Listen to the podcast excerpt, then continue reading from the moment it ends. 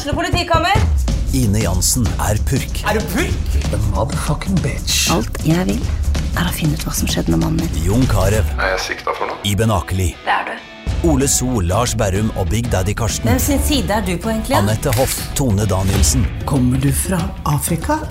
Jørnis Josef, Nesten. Kløfta. Trond Espen Seim, Det er synd å si det, men det var feil mann som døde. Purk. Premiere tirsdag på TV2 Play.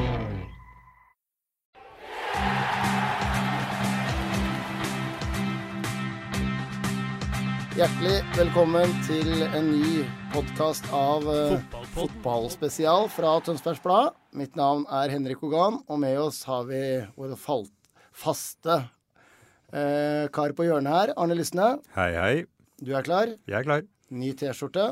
Jepp. Streken. Streken. Gammelt forbilde. Det må forklares for alle under 40, men eh, det får heller være. Ja, ja. Han var vel italiensk, var han det? Hey! Ja. Men hovedpersonen i dag, det er deg, Julius Myrbakk. Velkommen. Jo, tusen takk. Du er her jo først og fremst fordi du scorer mål på bestilling. Når skal du slutte å score mål? Uh, forhåpentligvis eh, aldri. Nei. Uh, det tror jeg ikke jeg skal slutte med med en gang, i hvert fall. Nei, det er jo imponerende tall som du har uh, levert nå. Det er totalt 25 på 18 kamper i år. Ja, det har blitt noen, eh, har blitt noen mål, faktisk. Så nei da, det er, eh, det er moro, det. Ja, veldig bra. Vi skal grave litt mer i det, men først så er jo vi, eh, både Arne og jeg og lytterne, interessert i å vite litt sånn veien fra du, fra du var 15 da, og fram til i dag. Kan du dra litt sånn i korte trekk fotballeventyret så langt?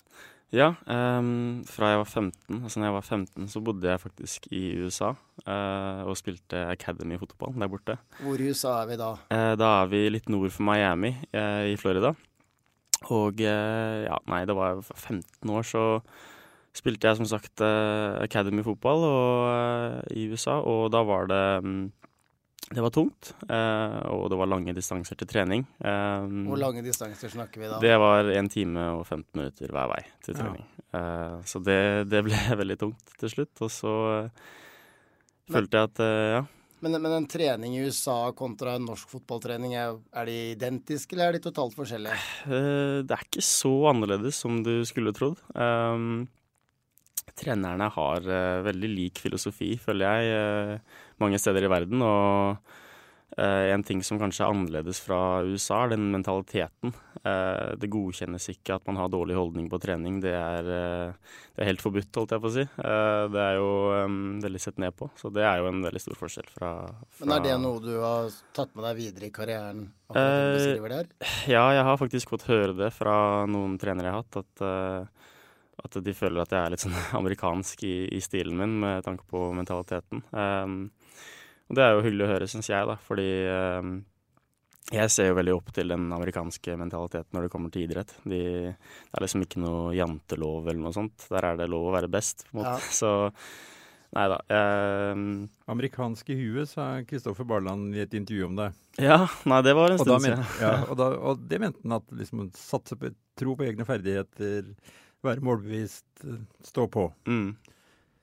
Så det er jo en pen beskrivelse, det. Ja, Ellers nei, har jeg eh, hørt så mange som har vært på college i USA, at uh, trenerne ser ut som de kommer fra en sånn US Navy med crew cut, og så kjører de fysisk til de spyr. Ja, nei, det kan, det kan også sies at det var mye fysisk. Så når jeg kom til Norge, så Ja, når jeg var vel 16 jeg flytta hjem eh, til Norge, og da, da var det litt annerledes, faktisk. Eh, stilen der. Du flytter hjem før foreldra dine? Ja, det gjør jeg faktisk. Vi bodde der i hva da? Fem, jeg bodde der i fem år, de bodde der i seks. Ja. flytta hjem ett år tidligere. Nettopp fordi eh, ja, jeg var jo hjemme hver sommer da, på, og besøkte. Så da var det liksom, når jeg var med vennene mine og sånt, så savna jeg jo veldig Norge, eh, familien min. Ehm, og eh, det ble veldig mye ja, reising når jeg bodde der borte i, i USA. Og da tenkte jeg at nå er det på tide å flytte hjem. og at det ble et år før foreldrene mine, var jo egentlig fordi at de skulle klargjøre seg til å flytte tilbake. Ja. Eh, tok litt tid for dem. Um, du sa ikke ha det til dem, altså? Eh, nei, jeg fikk, jeg fikk, faktisk ikke si ha det til dem. Jeg flytta hjem en sommer der jeg var sendte en melding til pappa som sa at nå har jeg lyst til å flytte hjem. Og så sa Det var liksom litt på tull, og så fikk jeg, fikk jeg en telefon og sa ja, det kan du hvis du vil, så kan du det. Så ja. det var veldig spesielt. Og... Bodde du aleine, eller hvordan? Nei, jeg bodde faktisk hos besteforeldrene mine. Ja, eh, det første første åtte-ni månedene. Og så etter det så bodde jeg hos Petter Furuseth i seks-syv måneder. Da snakker vi Petter Furuseth Olsen, tidligere jeg må kalle han proff i Norge, Sverige og Danmark. Ja. Jo, han, eh, han Flint og Eik og Stabekk og Djurgården og vel, er det ikke det? Eller han, Hammarby? Hammarby og Midtjylland ja, ja. og Lokal, lokal legende. Ja. ja. han er en god fotballspiller. Så tok, tok litt læring av han, faktisk. Så men han driver jo med litt yoga og sånn. Måtte du være med på det innenfor hus, husets fire vegger, eller? Eh, det var faktisk en, en, episode der han spurte om jeg hadde lyst til å bli med på litt eh, meditasjon. Mindfulness? Ja, mindfulness. Det stemmer. og det var jo det var spennende og gøy, det. det. Mamma er litt sånn alternativ og hun også, så det var bare moro, det. Ja, men da har du vært under gode vinger hvis du har vært hos eh, Petter og Kajsa. Ja. Det, er, det er godt å høre. Ja, og det, det året da alene, hvordan forma det deg? Nei, det forma meg uh, sånn at jeg ble mer voksen, vil jeg si. Jeg kom jo til, uh, til FK Tønsberg med en gang, i, på juniorlaget der. Uh, og Fredrik Kjølner var, ble treneren min, og han var helt fantastisk. Så han hjalp meg veldig mye. Og så hadde jeg jo han um, Pella på Vang.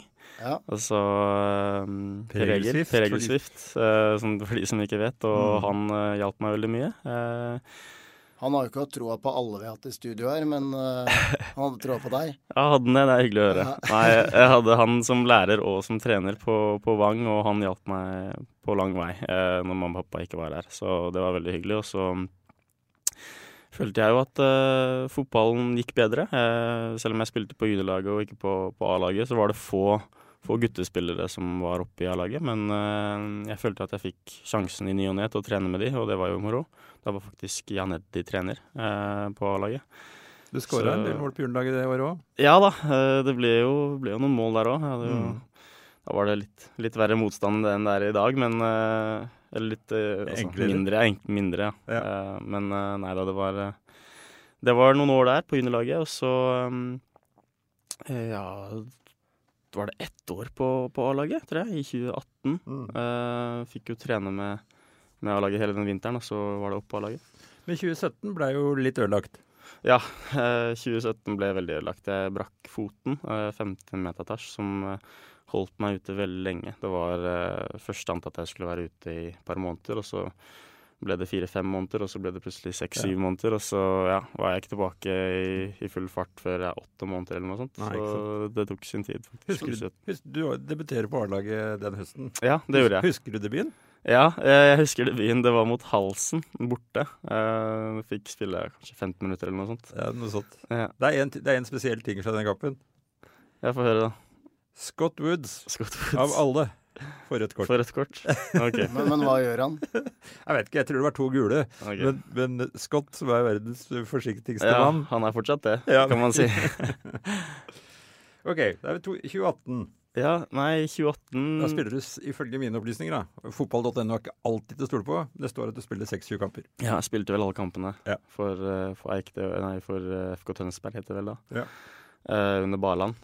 Kristoffer Barland. Så ja. ja. det var jo en, en lærekurve. Det var jo um, mange rutinerte spillere samt veldig mange juniorspillere. Mm. kanskje veldig, eller mest juniorprega laget jeg har spilt på. Ja.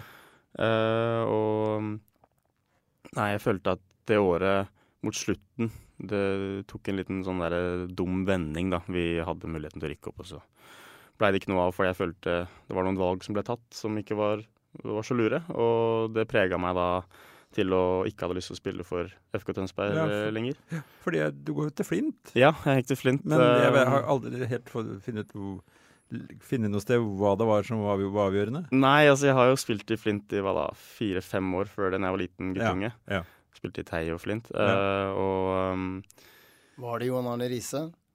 Jon Arne hadde ikke kommet på den tida, faktisk. Okay. Uh, da var det Morten Rom, og han var jo en, veldig, en type, han òg. Han tok jo noen telefoner og, overbeviste meg. Jeg følte at uh, jeg kanskje ikke hadde den beste utviklinga i FK Tønsberg som jeg hadde håpa på. Var kanskje litt, uh, litt kjapp på avtrekkeren og var litt ung når jeg tok den beslutninga. Uh, men nei, det, det, var også en, en fin utviklingsperiode. Det ble jo gjennombruddssesong for deg? Ja, det kan man si. Du skårer uh, ganske mye iallfall. Jeg tror at du har 12 på 28, da snakker 28, vi det er brukbart, det. over 40 da. Ja, ja det, var, eh, det var eh, et breakthrough-år, kan man si. Jeg følte at det sklei litt bedre, i hvert fall på høsten. Da hadde mm. jeg Erik Biseth som trener når Morten Rom fikk sparken. Ja.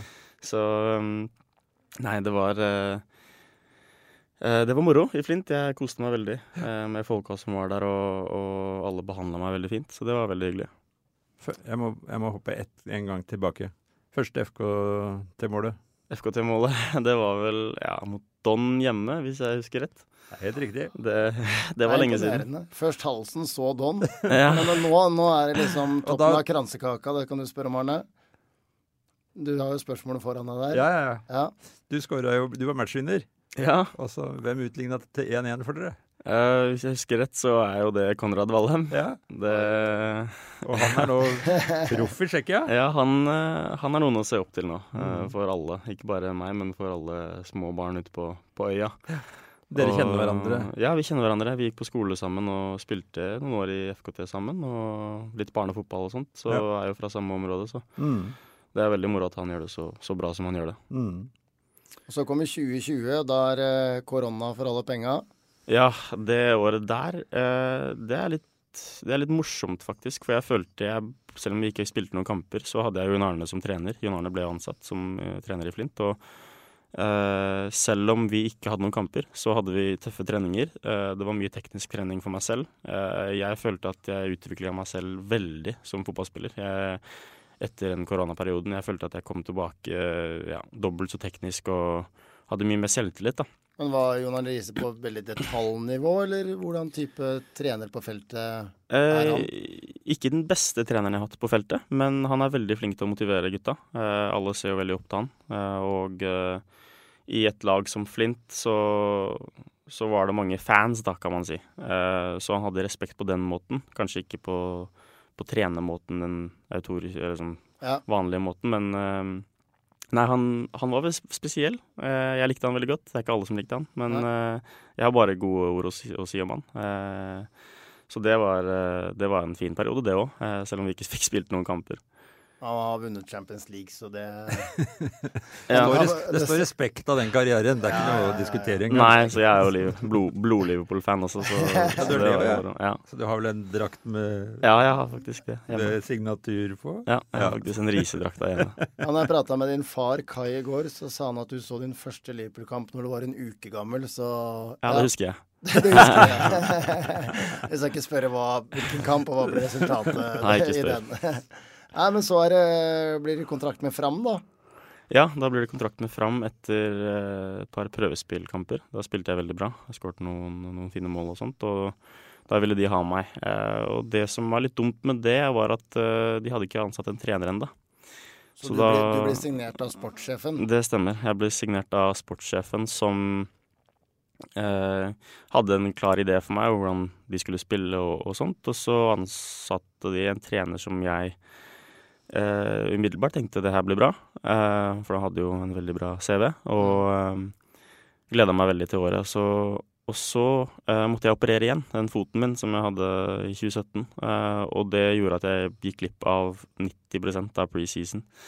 Og da, det prega meg veldig. Jeg hadde vondt langt ute i sesongen, og så fikk jeg på en måte aldri aldri spilt meg inn i den, i den elveren til Håkon Lundov. Men spilte du også kant? Jeg spilte kant. Ja. Da spilte vi 4-3-3. Høyrekant? Eh, spilte venstre kant, faktisk. Venstrekant, ja. Mm. Um, og eh, det, det, året var prega av at jeg følte at jeg, jeg hadde en veldig fin tone med gutta på laget, men uh, selve systemet og treneren, det passa meg ikke helt. Uh, selv om jeg har veldig mange fine ord å si om Håkon Lundov, så var det liksom ikke en hel match med meg og han på, på banen sånn taktisk sett. Men er det på en måte 4-4-2 som er At du er en, en av to spisser? Det vil jeg si. Jeg, etter de siste årene nå, så vil jeg nok se på meg selv som en spiss i en i en toer på topp der, ja. Hvordan var det for deg som er vant til å bøtte inn mål, og så kommer du til fram, og så skårer du ikke i det hele tatt? Nei, jeg Og- skårer ikke. Det, det, var, eh, det var tungt. Jeg kom med høy selvtillit, og, og så var det den skaden da, som holdt meg veldig Mm. lenge ute. Og jeg er jo en sånn selvtillitsspiller som, som trives best når jeg har gjort det bra på trening og på kampene før. Eh, og eh, når jeg kom da, så kom tilbake fra skaden altså, så var jeg så langt nede at eh, ja, det var, det var tungt, det, Ja. rett og slett. Og ikke skåre mål hjalp jo ikke heller. Så Nei, det er de da- du lever av. Nei, men Da må du dra hjem og se noen sånne YouTube-videoer av noen gamle favorittspillere. Michael Owen, for eksempel. Jo da. Nei, eh, ja, nei, det er mye man kan gjøre og si, men eh, når det ikke sitter, så kan det være veldig tungt. Det kan det. Eh, så jeg har vært med på noen, noen opp- og, og nedturer, faktisk. Så Men kunne mindfulness med Petter Furestedt vært noe da? Eh, ja, nei, eh, det er jo noe man, man som spiller må, må tenke på, at man alltid eh, man alltid bør ha et fokus på, på seg selv også, og ikke på alt rundt deg. Eh, kanskje bare være mer, være mer klar over hva målene dine er, og så, og så heller ta sånne små steg istedenfor å se så langt i fremtiden med hele tida. Det, det er jo noe jeg kanskje gjorde feil i, i Fram. Jeg Jeg var, på, så jeg var på Vang foreldremøte i går, og da var eh, et av mantraene var 'i nuet'. Ja, Altså til stede her og nå. Nettopp. Så ikke Men det, ofte når eh, vi ser deg spille, så har du en tendens til å trekke litt ut mot venstre. Ja, jeg har fremdeles den, den, det instinktet. For du liker jo da å gå innover og avslutte med høyrefoten. Ja. Nei, det er jeg glad i. Det skal ikke legge skjul på det. Men da fra Fram så går turen til uh, legenden Jan Halvor Halvorsen i Lyn og hovedstaden. Ja, uh, den perioden der var prega av at jeg ville til Oslo. Jeg ville vekk fra Tønsberg. Jeg bodde jo hos mamma og pappa når jeg, bodde, når jeg- når jeg spilte i Fram. Og da ville jeg, jeg veldig gjerne til en annen by, og Oslo var det jeg ville til. Og da ringte jeg faktisk selv. Jeg ringte han assistenttreneren og spurte hei, kan jeg komme på trening. Eh, Og han hadde ja, kjent pappa på et eller annet vis før. De gikk jo på Vang sammen eller noe sånt. Og så hadde han sagt ja, og eh, så kom jeg på trening uka etterpå, og så hadde jeg noen veldig fine uker. Eh, hadde jeg veldig, veldig flaks med at han høyrekanten deres ble skada eh, i den eh, prøveperioden jeg var der. Så det Der var jeg heldig.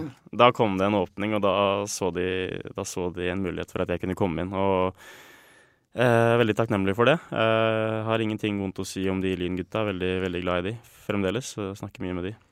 Men det ble ikke noe klaff for det? Nei, det ble ikke det heller. Der borte. Jeg hadde vel et innhopp på to minutter på siste kampen Ja, det, var jo sånn at de gjorde det veldig bra. Hadde en elver som ja. bare rulla gikk, altså never change a winning team. Ja, han, eh, Jan Halvor var veldig bastant på det. Han var veldig fokusert på at uh, skulle ha eh, ja, det samme laget som gjorde det bra, eh, skulle spille. Og, og for å være helt ærlig, så var jeg, var jeg langt unna eh, den elveren. De spilte også 4-3-3, så hadde, ble det ingen skader og ingen særlig muligheter for meg. da, Og de bare vant og vant og vant, og tapte vel ikke en eneste kamp den sesongen. Den, Men, eh, men har Jan Halvor fortsatt den halvhockeysveisen, eller er han det har han. Han har en sånn halvhockeysveis. Han er, eh, er samme gamle Jan Halvor, det kan man Hvis si. du sparer litt Nå sitter jeg her uten hår, da, men hvis du sparer litt lenger bak der, så kan det Jo da. Potensialet Ja, der da, ja, ryggen der, altså. Den, eh, den er eh, frodig og fin, for å si det sånn. Men så er vi tilbake etter- Sommeren 2022 så dukker du opp i Tønsberg og spiller treningskamp mot Halsen. Ja, nei, da, da hadde jeg Det som var morsomt, var jo den der historien med Kjetil. Eh, det er jo en litt morsom historie, faktisk. Jeg, eh, allerede før jeg signerte med Lyn, så skulle jeg eh, prøve, eller trene litt med Eik da, for å holde meg litt i form. Og jeg fikk ikke lov av Fram å dra til Eik, fordi da var de divisjonsrivaler. Ja. Så da var Håkon bastant på nei, du får ikke lov til å, til å gå til Eik. Så um, trente jeg allikevel med de, da. Eh, sendte en melding til Hein Henriksen og spurte kan jeg komme på trening. Så sa han ja, må ta en telefon med, til Kjetil, da. Så ringte jeg Kjetil, og så visste ikke han helt hvem jeg var, da. Eh, og det var jo det var ikke så rart, det. Jeg hadde ikke gjort det så bra. Men eh, jeg måtte overbevise han til å få komme på trening. Og det var litt rart, for jeg hadde jo spilt på På salgspitch salgs, ja. altså- på telefon. Ja, så det var en halvveis salgspitch. Og så ringte jeg han og spurte kan jeg komme på trening. eh, Og så det var det sånn, kan jeg komme på trening om to timer. Eh, for da var jeg sånn, har lyst til å spille fotball igjen. Og så sa han ja, jeg bare kom eh, etter jeg hadde overtalt han, da. Eh, for da, da trengte de kanskje litt folk eller noe sånt. Og så, han var litt sånn tja, eller? Er ja, han var litt sånn i, i tvil i begynnelsen. Så måtte jeg overtale han, så sa jeg til Hein kan ikke du overtale han litt for meg? og så gjorde jeg det bra på trening, og så ville han jo umiddelbart ha meg, da. Mm. Så sa jeg får egentlig ikke lov, og får ikke lov, og bla, bla, bla. Og, det var vanskelig, men jeg fikk lov til å trene med de et par uker, og så hadde vi den treningskampen mot Re. Ja, Eh, så vant Mm. vi vel 7-0, og så skårte jeg fire av de. Mm. Og etter det så, så var alltid Kjetil på, på telefonen min. Da var han alltid sånn Er du klar til å komme hjem? Er du klar til å komme hjem? så, Ja, for det var tidligere på våren, det. ja, det var stemmer på våren, han. Var Ja. veldig sånn Når jeg ikke gjorde det. Ja, Mm. når jeg ikke gjorde det så bra, så Når jeg ikke gjorde det så bra i Lyn, så var han veldig sånn Kom tilbake og spille for, for meg, da. Jeg hadde, Ja. gjort det så bra. Han er sånn Han er sånn Alle som kjenner han, veit at han skryter veldig når han vil ha deg, så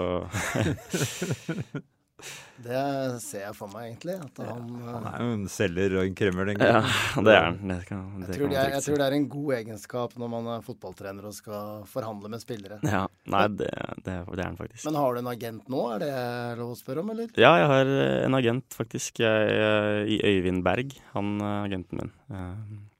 Vært det siden ja, framtiden, faktisk. Så. Ja. Ok, og så etter sommerferien så banker du inn 13 goller på 14 matcher. Det stemmer. Høstsesongen i fjor var det gjennombruddet, vi må jo si det. Ja, man kan, man kan si det. Jeg følte det klaffa veldig da, med, med stilen og sånt. Og, og eh, trivdes veldig med, med gutta. Eh, det er jo veldig viktig òg. Men, men hva er forskjellen på utgang, utgaven av FK Eik 2022 og 2023? Hva er bedre? Største forskjellen vil jeg si harmonien i gruppa.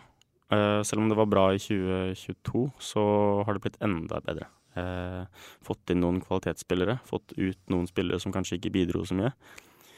Og uh, ja, fått inn Janeddi. Det også vil jeg si er en, en stor faktor Mm. som assistenttrener. Ja, så kan vi egentlig gå rett på det nå, for du ville ta en sånn kort eh, Ja, jeg runde om. Vi vi tar jo de elleve som Det er jo litt som uh, Kjetil Kristoffersen som Jan Albert Halvorsen, at det er jo den samme elveren hver gang. Ja. Altså, Vi skvetter jo ikke i stolen på gressbanen når vi ser den Jeg, lagoppstillinga. legger, jeg legger inn kampvakta tidlig på kampdagen. Ja, sånn stemmer jo i 99 av Det, det gjør det nok. Så om du nå har forberedt noe øh, fotballmessig eller noe utafor banen, det, det veit jeg ikke. Men det er lov å krydre med begge deler. Jo da, nei, jeg hadde lyst, for jeg syns alltid det er moro når jeg hører på en podkast, i hvert fall av eh, folk jeg kjenner, og kanskje høre om det blir en, en name-drop eller noe sånt. Så Ja. tenkte jeg det hadde vært hyggelig å snakke litt om gutta. Eh, fyrer vi løs med starter med Tobias. Jo, Tobias, eh, flott fyr, kapteinen vår, og jeg er veldig glad i han. Han er jo også bordsjef, så han er, eh, han er veldig streng, det kan man si, i garderoben. Det er ingen som eh, Altså, vi tuller jo mye med han, men eh, de unggutta tør jo ikke si noe til han. Eh, flott keeper og, og veldig glad i han. Har spilt med han siden jeg var eller kjente han vel da jeg var 17 år eller noe sånt. Så det, han har jeg kjent lenge, og han er ja, helt fantastisk. han ble, ble han vraka av Hein Henriksen, eller det sier han i hvert fall hver gang jeg møter han i et lystig lag. Så Han ble sinna og dro til Trøndelag. ja, Ja, nei, han han- har fått sin revansje. Ja. Ja, han hadde, hadde en strafferedning, altså, mot, eh, eller de to strafferedningene mot Mm. Sandefjord som, eh, som han har blitt litt eh, ja, heit på. Så kan man si. fortsetter vi. Er det Brink Rygel neste? Ja, eh, Marius kan man si kanskje beste, beste kompisen min på laget. Han eh, vokste jo opp sammen med på Teie, eh, og eh, føler han har blitt bedre og bedre. Eh, jeg nyter jo veldig godt av den innleggsfoten hans. I begynnelsen så gikk det litt treigt med, med de innleggene. Jeg følte ikke at eh, de satt helt, men eh, nå i det siste så har det blitt en del assist og mål på han, faktisk. Så skal jeg gi han det òg. Han er overraskende Så- god i, i lufta. Ja, han er ikke du- kjempestor, men Nei. han vinner masse dueller. Ja, hvis du kjenner han, så er det ikke så overraskende, for han, eh, han gir alt uansett. Han er Ja. så uredd, så det Så det er Ja, er det er en veldig stor Han er det nærmeste du kommer Reece James på Fantasy. Men er han god til å danse? Det har jeg aldri sett han. Jeg har aldri sett han danse, faktisk. Han bør være det. Dansesønn. Ja. Nei, jeg veit ikke. Han, øh, han har vel dansa litt, men øh, nei, jeg vet ikke. Jeg har ikke sett han danse. Men nei, jeg kan jo hoppe videre til, til VM-en. Han, øh, han også er flott i, i garderoben. Veldig glad i, i VM-en også. og Trøkker til og kanskje ikke like rask som alle på laget, men, øh, men øh, deler ut øh, sine taklinger og, og trøkker til. Så jeg tror motstanderen er er litt, eh, er litt redde for han hver gang og møter han i taklinger. Liksom. Men han kan jo være den spilleren som på en måte går hele veien hvis FK Eik-drømmen når det som Sandberg drømmer om, da. Så Mm. jeg er ikke overraska om han er med på hele reisen. Det er jo noen av de i Luton, i hvert fall igjen. Ja, nei, nei, han har vel vært der en, en veldig god stund. Så nei, jeg håper jo, håper jo han kan være med også, hvis vi rykker opp. Så Og så er det Arnes, eh, det du mener er årets signering, Midtgarden. Ja. Jeg mener han har forandra både laget og spillestilen. Ja, nei, der har jeg en veldig, en veldig morsom historie, faktisk. For Erik Midtgarden, altså, eller gamlefar som jeg kaller han, for han, har, han er så gammel og har så vidt hår på, på, på hodet, eh, er jo at når vi spilte mot Åssiden i første treningskamp, eh, så spilte jeg spiss, og han spilte stopper. Og når jeg da lina opp mot han, så tenkte jeg det her blir en, en lett match, tenkte jeg. Eh, han skal jeg løpe fra ti av ti ganger. Og så får jeg første duellen, og så uff, kjempe, kjempehard takling rett i ryggen på meg. Den her gjorde vondt, tenkte jeg. Og så neste duell, løpeduell. Har kanskje to meter på meg, da. Og så tenkte jeg nå, nå, nå skinner jeg igjen. Og så, og så dytter han meg bare unna. Han bare skjermer meg unna. Så han har full kontroll på meg hele kampen. Eh, glimrende pasningsfot. Han, Han har meg i lomma. Eh, jeg skårer ikke. Det er en av de eneste kampene jeg ikke har skåret i hele år. Eh, og eh, umiddelbart etter kampen så ringer jeg til Kjetil. Eh, han her må vi ha. Hvem er det her? Og så sendte han, eh, sendte Eller noen på laget sendte en CV, da. Mm. Så det her er den personen, liksom. Og nå, da hadde han jo ikke hår på hodet, så jeg kjente han jo ikke igjen fra de bildene. Jeg mobber han hele tida. Men uh, uh, nei da. Uh, da sa jeg til Kjetil han må vi signere. Han blir en veldig viktig brikke hvis du klarer å få han inn. Så det var litt sånn derre Så Eh. du er, det er den kampen som gjorde at dere fikk øynene opp for Midtgarden? Ja, og jeg vil ta på meg litt cred der, faktisk. Fordi jeg, hvis du spør Kjetil selv, så var det jeg som sa at han, at han her må vi ha. Han, eh, vi trengte en Det sentral stopper. morsomme er jo at den kampen skulle ikke vært spilt engang. Skulle ikke det? Nei, Nei. det stemmer, det. det Fordi det. Mangla en motstander. Og Ja. Eik stilte opp på kort varsel, og Ja. Førsund og gjengen på Eik ordna bane på kort varsel. Det stemmer, det. Det var jo iskaldt. Så, så de skulle spilt mot noen helt andre. Så Ser vi hvor tilfeldig Ja. det er. Mm. Og så neste, han er vel en kjømling, er han ikke det? Harald Jo, Danielsen. Harald Danielsen. Han, eh, han også er kjent veldig lenge nå. Eh, Bruker han hårspray, eller? Eh, Jeg har aldri sett han spraye noe i håret. Jeg tror han bare er naturlig, naturlig brun og fin og, og glatt, det kan man si. Uh, nei da, han er en blidfis. eh, han smiler hele tida. Han er uh, ja, et, også et sånt lyspunkt i garderoben der du Hvis du har lyst til å kødde litt, så er han alltid, alltid med og smiler og, og gir alt på banen også. Um, For det er han og Rygel som står med den der eh, forbanna handlevogna etter Ja. seierne, ikke sant? Ja, ja. Banker i den der handlevogna og roper og heier. Nei, det er uh, Han er jo en del av den derre kulturen som vi har bygd, da. Uh, med, med folk fra Tønsberg som, som gir alt for, for Tønsberg. En bærebjelke, Ja. rett og slett. Og da skal vi videre til Scott Røde Kort Woods. nei, det er ikke akkurat det skal sånn ikke henge på Nei, altså. jeg ikke det. nei, det er ikke sånn jeg ville beskrevet han, men nei, nei, han har en silkefot, da. Han er også veldig rolig. Jeg tror jeg er den personen som det er vanskeligst å ta ballen fra på trening. Uh, overraskende nok. Uh, han er bare som bare sklir unna deg. Og, og uh, kommet seg veldig. Han får veldig mye kjeft av Kjetil. Eh, han, eh, det er jo ikke så hyggelig, men han sier jo at Scott er en sånn kjerring i lufta. Han eh, tør ikke gå opp eh, i dueller. Og jeg ville ikke beskrevet eh, det sånn, brukt det ordet i hvert fall, men han kan hende at han kanskje trekker seg litt. Men han har kommet seg veldig. Han ja, skryter, altså veldig mange som skryter av han nå. Han Og så har han jo, som du sa, steg. silkefot. ja, han har fått kjempemange assist, jeg tror jeg opp i Mm. 10-11 assist eller noe sånt i år. På de dødballene hans, så Der har vi Ben Chilwell på den. Ja. ja. Ja. Du er, Det kan nå si. er du ute, og- ute på tur. Ja, ja, ja, det er litt sånn siden ikke vi fikk lage fantasy-podkast, så er det her litt sånn eh, ris til ledelsen, rett og slett. Nei da, han Scott også er veldig fin. Og så har vi jo det som er, jeg mener er den beste omskoleringa. Det er jo Anders Nygaard i den dype. Ja. Det er ikke omskolering, da. Det er jo der han har spilt Ja bestandig, da, men men i ikke i fjor. i hvert fall de, mange av de sesongene jeg har sett. Så ja. Det er godt å se han der, da. Ja, det syns jeg også. Han, eh, han er eh, Han sviper opp alt som er, og om det er eh, han tar ankler og ball samtidig, så, så har ikke det så mye å si for han. Han, han er kanskje den viktigste spilleren vi har, syns jeg i hvert fall, på laget. Um, hvis vi ikke har han, så er det ofte at vi slipper inn eller tapper poeng. Det er begge kampene vi har tapt poeng, så er det fordi han ikke har vært på banen. Så Jeg vil nok si at han er den viktigste, eh, og veldig glad i å spille med han. Han ser alltid etter meg og, og er så tøff at eh, det smitter over til hele laget. Men hvordan er han kontra Thomas? Eh, Sånn I lynne, da, for å si det sånn. nei, jeg syns jo, synes jo Anders er veldig morsom. Thomas er ikke, er ikke så morsom. Eh, Den får du eh, høre. I garderoben. Eh, eh, nei, nei han, eh, han er veldig morsom og kommer alltid med noen vittige kommentarer. Så det, det syns jeg er veldig, veldig bra. Og em, i forhold til han som på banen, så Thomas er jo kanskje et hode lavere enn han, men uh, dobbelt så god i lufta. Uh, så Nei da, det er, sånn sett er de ganske kjent annerledes. Anders siden han begynte med fotball i Slagen. Mm.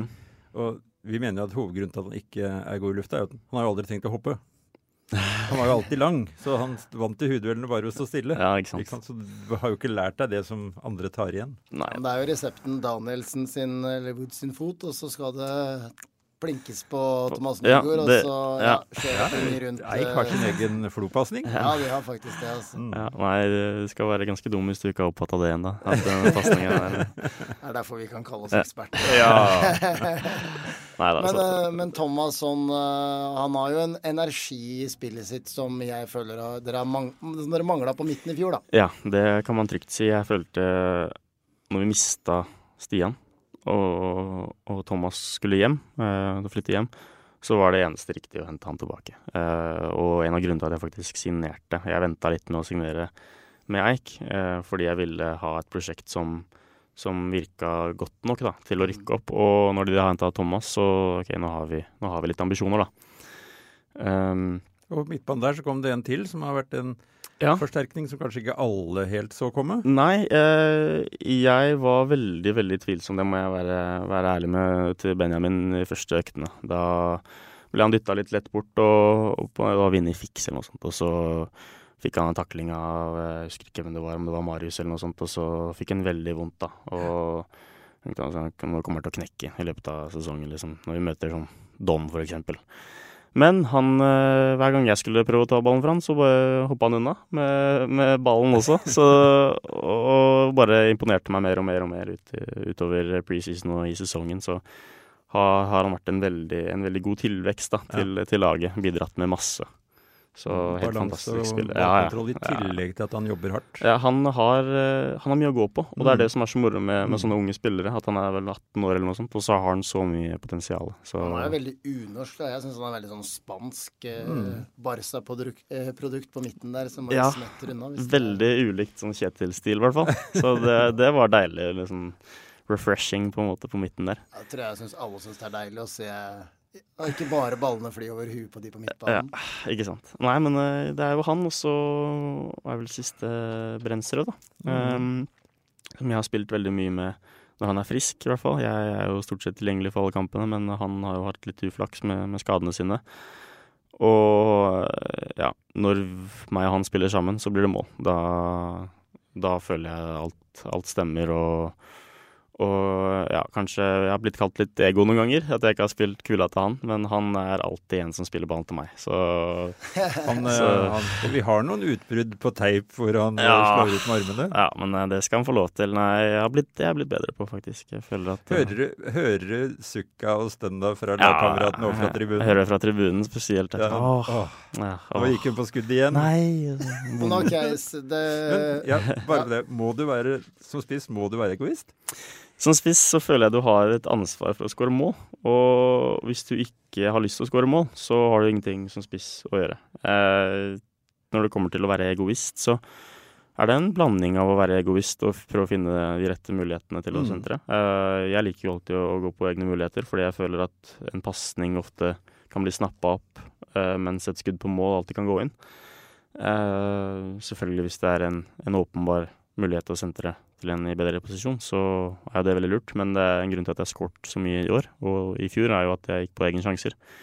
Om jeg har fått kritikk for det, så bryr jeg meg egentlig ikke så veldig mye. Eh, Det er noe Kjetil har sagt til meg også. Um, Så lenge du scorer, så er det greit. ja, bare drit i det, i det alle sier, og hvis du får høre det. Eh, Jeg støtter deg hvis du, hvis du skyter. Mm.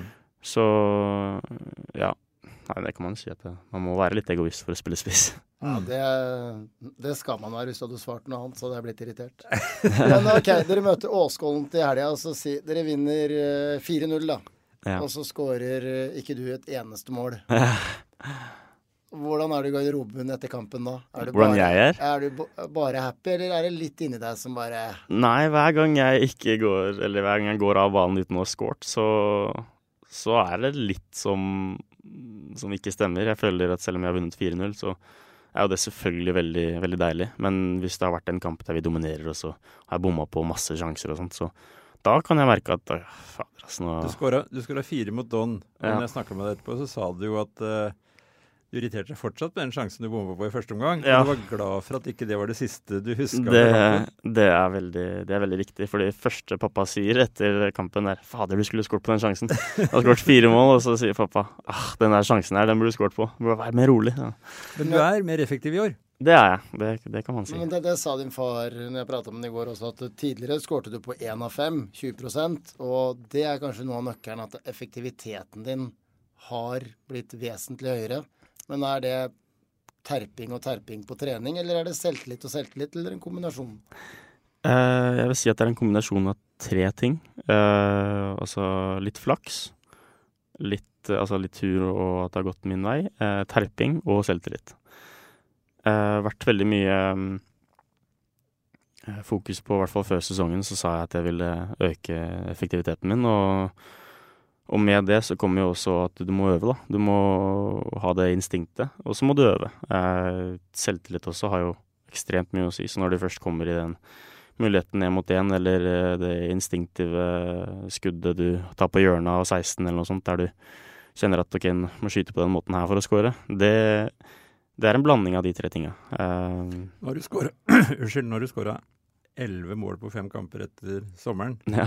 Du må jo ha selvtillit helt oppunder taket. ja, jeg prøver å holde meg litt, uh, litt nede på bakken, og, og selv om det er kanskje mye rundt, så får jeg veldig lite med meg. Uh, mamma og pappa sier at ja, det er så mange som, eh, som skryter av deg til oss, og det er veldig hyggelig og, og sånt. Og, og det syns jeg er veldig kult, men jeg må prøve å tenke ja, nå er det en ny kamp til lørdag. Ikke, ikke for høyt og ikke for lavt. Mm. sånn Finne balansen, rett og slett? Eh, Ja, og for jeg har jo I fjor så var det kanskje sånn hvis jeg ikke skårte eller noe sånt, så gikk jeg veldig langt ned, da. Eller jeg, det ødela meg helt. Eh, men nå har det ikke så vært, vært så mange av de kampene i år der jeg ikke har skåret, men jeg føler at, at det er viktig å bare holde hodet på rett plass. Og sånn etter Porsche-kampen og vi tapte 2-1 der, så var det mange som var veldig langt nede. Men altså, to-tre økter etterpå så var alle klare for ny fight.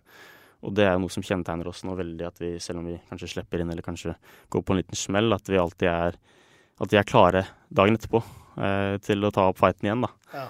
Du har jo nådd målet ditt allerede for sesongen. Nesten.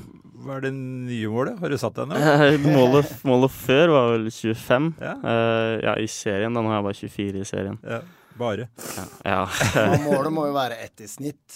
Da må vi vel opp på 26, må vi ikke det? jo. Eh, Men, men litt det der, jeg vil tilbake til det kjedsommelige. Men når du er spiss, da, å være på rett, på rett sted til rett tid Altså, hvordan øver man på det? Det er en kunst. Eh, du ser jo han andre nordmannen vi har i, i City, som alltid virker som han er på rett plass. Og det føler jeg er veldig, eh, veldig viktig som spiss. At du kan, at du kan eh, lukte når ballen kommer til å sprette foran deg. Når kommer eh, den sjansen til å komme, og hvordan må du plassere deg for å få best mulig, best mulig vinkel da, til å Ja. skåre. Eh, de fleste mål blir skåret uh, ja, de første eller de åtte meterne nærmest uh, målet. Som, som for meg, da, som det siste målet når jeg skårte mot var det vel Odd, Mm. eller det første målet der. Da visste jeg at ok, nå den eneste måten Anders kan treffe meg på nå, er hvis jeg står akkurat her. Så hvis jeg står der, så får jeg en sjanse. Og da plutselig så kom den, da. Ja, Men, se men seiersmålet i den kampen, da er det Ja. 18 spillere inne i 16-meteren. ja, Det er Scott som slår, og så er det vel en forsvarsspiller til, og så er det, og så er det Tobias bak. Og likevel så er det du. ja, nei, det er, det er den derre der instinktet der du føler at uh, OK, må kanskje legge meg på den svakeste stopperen for å, for å komme meg ledig, da, eller for å bli ledig, for han, han veit jeg kommer, kommer ikke til å følge meg. For han er så dårlig, han har vært så dårlig hele kampen, han har så lite selvtillit. Mm. Og det er det å lese litt sånn kampbilde også, og, å finne de svake leddene i motstanderen. Alltid jakte, jakte det. Jakte det svakeste byttet. Ja, det er det- som å være på savannen. er, det, er det neste reportasje? At du er litt sånn uh, ute i jungelen på Teie der? Og sånn, ja, det skal, den kan vi tenke på. Men OK, det, om uh, er det 7. oktober, da kommer Porsche på gressbanen. Ja, det Blir det en seriefinale da? Jeg håper ikke det. Jeg håper det allerede er avgjort før det. Det er jo Mm. seks kamper eller noe sånt før det. Jeg husker ikke. Eh, ti kamper igjen av sesongen og fortsatt 30 poeng å spille om. Så om den kampen blir avgjørende, det, det er jeg usikker på. Jeg håper ikke det. Eh, men det hadde vært kjempemoro å, å få fylt gressbanen der og ta Porschene. Det hadde vært, hadde vært veldig gøy. For det var jo to matcher på rad Porsch avgjorde på overtid, og før den 0-0 mot Start 2. Ja. Er det sånn dere sitter og følger med på VG Live eller på Direktesport når Porsche spiller? Eh, vi hadde en veldig morsom historie når vi spilte borte. Eller ikke morsom, jeg syns ikke den er morsom. Men vi spilte Randesund. borte, borte, og så da hadde vi akkurat slått i hva, 4-1 eller noe sånt. Og, og jeg var ikke noe glad, fordi, eh, selv om jeg hadde skåret to mål. Fordi når jeg kom inn i garderoben, så hørte jeg at Porsche hadde skåret uh, på overtid Mm. igjen.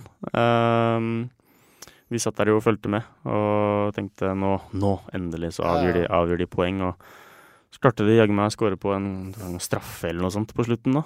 Uh, ja, nei, jeg husker ikke om det var det der, men det var i hvert fall veldig frustrerende da, for oss. Og etter den kampen så Anders har vært ute og sagt det, at Mm. eh, nå må vi bare ha fokus på oss selv. Fordi hvis vi alltid driver og tenker på hva de gjør, så kan det gå i hodet på oss. Det er jo, det er jo litt kjip virkelighet å vinne Ja. 4-1 på bortebane og sitte og Ja. deppa. det, det, det er helt Så riktig. det, det blei jo sånn at vi må jo søren meg klare å være glad for seierne våre. nettopp. Så det var eh, det var det fokuset var etter den kampen. Ikke bry oss, hva, bry oss om hva Porsche gjør, men Mm. heller ha et fokus på oss selv. Og, og vi har jo ikke tatt, eh, tatt et eneste poeng. Eh, Rykker dere opp? Jeg håper det, og tror det. Det, det har jeg virkelig, virkelig troa på oss selv i år. Det skal bli spennende å følge. Til slutt vil vi liksom bli litt kjent med det også utafor banen. Det var noe snakk om at du drev og spilte Monopol på nett med kompiser.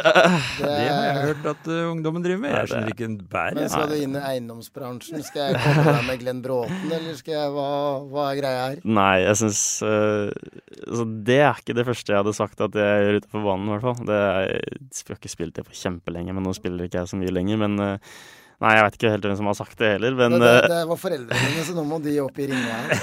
Nei, jeg, jeg veit ikke hvor de, hvor de har fått det fra. Men eh, nei da. Det, det er litt sånn Når jeg ikke trener og sånt, så er det jo gøy å være med venner og kanskje spille litt med de og ja, kanskje bare koble litt av med litt uh, video games, kan man si. Så Men er det fotball på heltid for deg? ja, det er fotball på heltid. Nå er jeg akkurat ferdig med, med studiene. Ja. Eh, tre år bachelor. Ja. Eh, så, så nå er det fotball, fotball, fotball, og, og det er det som Og litt padeltennis. Ja, ja, litt padel. Litt padeltennis med, Men slår du den? med pappa. Eh, nei. Eller spiller du litt pai? Jeg jeg kunne ønske jeg kunne skryte på meg at jeg slo fatter'n, men uh, jeg tror det er eneste han slår meg i nå, er padeltennis. Det er var derfor han nevnte det. sikkert. ikke- Ja, det er helt sikkert derfor han sa det. Nei. Nei da. Er det, du nevnte du hadde agent. Er det mange som ringer på døra? Eh, overraskende nok så har det bare vært Eller jeg må si overraskende nok, så jeg har vært i noen samtaler med, med agenten min om, om potensielle ting, og Ja. folk som følger med og sånn. Det er veldig mange som følger med, eh, men ingen som har tatt kontakt eh, om, om en sommerovergang. Eh, og det føler jeg egentlig er litt greit, fordi jeg har overordna fokus på, Mm. på Eik og har lyst til å rykke opp nå, uansett. Man har liksom ikke lyst til å dra noe sted uh, annet enn Saudi-Arabia akkurat nå. Nei, det er bare tull. Nei, jeg- bare tuller. ja, vi skal ikke, du skal ikke få Arne inn på den, den Da, diskusjonen blir det, da kommer det en lang rant hvis jeg får ja, stikke i Saudi-Arabia. Da blir den natta lang. Nei, men uh, herlig, herlig. Vet du hva? Det her har vært en uh, veldig, veldig fin prat. Det blir akkurat en fotballomgang, Ja, har vi klart. perfekt. Det blir ikke bedre det enn det. vi blåser av. Så lenge. Vi blåser av. Men uh, Julius, tusen takk, og masse lykke til. Jo, tusen takk i like måte. Skal vi sette et tips da, Arne, på hvor mange goller han putter? Det først. Jeg er ubrukelig til å tippe. Um, Jeg tror han skårer ti til, jeg. Ti til. Mm. Du sier ti til. Mm. Da sier jeg elleve, da. Hva sier du, Julius? Nei, jeg På ti kamper får håpe jeg skårer ti mål til, da. Ja, da får eh, fremtiden se. Uansett, takk for uh, følget. Vi er straks tilbake. Så høres vi snart igjen. Adjø.